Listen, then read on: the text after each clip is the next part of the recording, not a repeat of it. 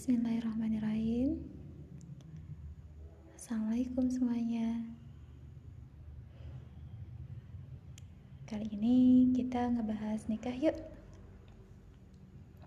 By the way, menurut Anda Nikah itu buat apa sih? Waktu masih lajang. Kalau ngebayangin nikah teh Ada yang nganterin ke mana pun kita mau ada teman curhat kapan pun kita mau terus saat kita butuh bantuan ada yang nolongin dengan sepenuh jiwa dan raga nah karena saya senang diskusi jadi ngebayangin punya teman diskusi yang sefrekuensi teh senang banget ada teman buat hiking trip, hunting buku, teman kajian, dan masih banyak lagi. Hmm, sudah hampir 21 tahun nikah, masih pantas gak ngomongin nikah itu buat apa sih? Terus bernostalgia juga dengan bayangan masa lajang. Abaikan kata orang tentang pantas atau tidak. Karena kalau mau sharing mah ya sharing aja, tanpa perlu berpikir standar kepantasan ala orang lain. Sebelum nikah, mikirin konsep walimah, tamu yang bakal diundang berapa. Seneng banget membayangkan hal-hal yang ternyata setelah berumah tangga mah malah bikin senyum-senyum sendiri malah mikirin hal-hal yang gak ada kaitannya dengan hari-hari setelah nikah aja. Ya namanya juga masih muda.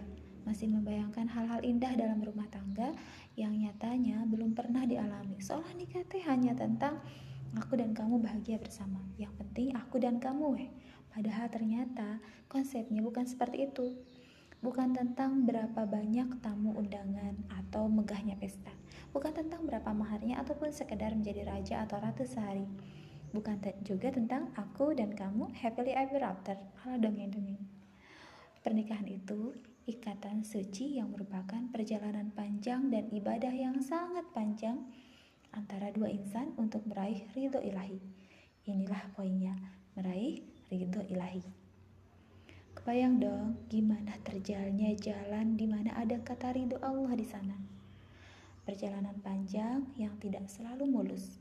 Hmm, tidak selalu artinya kadang terasa mulus, namun kadang terasa terjal banget. tidak selalu mulus pun tidak selalu berliku karena menikah ada seninya. Seninya, ya dalam perjalanan apa pun, kita butuh seni agar perjalanannya bisa dilalui dengan kesabaran, kesabaran menghadapi naik turunnya kehidupan. Eh, rasa juga sih. Bentar-bentar. Ini teh apa hubungannya seni pernikahan dengan kesabaran dan mulus serta berikunya alur perjalanan? Ada yang mau berbagi pengalaman? Kira-kira apa nih hubungannya? Mangga japri saya ya buat yang mau sharing. Kita lanjutkan ya. Pernikahan disebutkan Allah Ta'ala dalam Al-Quran sebagai perjanjian yang kokoh atau mitzah kongalisa. Masya Allah, sih bukan sembarang perjanjian, tapi Allah katakan sebagai perjanjian yang kuat, perjanjian yang agung yang harus dijaga dengan baik. Oh iya, kembali ke seni berumah tangga. Kok saya jadi pengen cerita seni dalam perjalanannya? Gak apa-apa ya, masih tetap dalam jalurnya kok. Berumah tangga kan terkait perjalanan. Well, pernah nggak ngerasa kok hidup aku gini-gini aja, jalannya terasa hambar. Kalau Anda pernah ketemu fase ini, saya ucapkan selamat. Selamat karena Anda berarti masih punya rasa. Punya rasa artinya punya kesempatan untuk muhasabah diri. Asal jangan terus dipupuk aja rasa nggak nyamannya ya. Kok hidup aku gini-gini aja, jalannya terasa hambar. Kalau Anda ketemu fase itu, coba deh banyak ngobrol atau melihat orang-orang sekitar Anda dan simak baik-baik apa yang mereka katakan baik tentang diri mereka atau mungkin pandangan mereka tentang hidup Anda. Mungkin Anda akan bertemu orang yang melafaz kesulitannya seolah dia adalah orang yang paling sulit di seantero jagat. Hmm, bukankah Anda juga secara tidak sadar sedang melihat bahwa diri Anda dalam mode sulit? Lalu bagaimana Anda menyikapi kesulitan Anda setelah mendengar keluh kesah dari orang lain? Ah, bukan untuk tahu masalah hidup orang lain, namun agar Anda bersedia membuka mata. Ternyata banyak orang yang lebih sulit dari saya. Boleh jadi Anda pun mulai menambah komentar dan membumbungkan empati. Masalahku ternyata tidak seberapa. Akunya saja yang tidak mau membuka hati dan melangitkan lebih banyak kesyukuran. Mereka berjuang dalam kesulitan yang nyata, namun tetap fight. Inilah salah satu seni itu.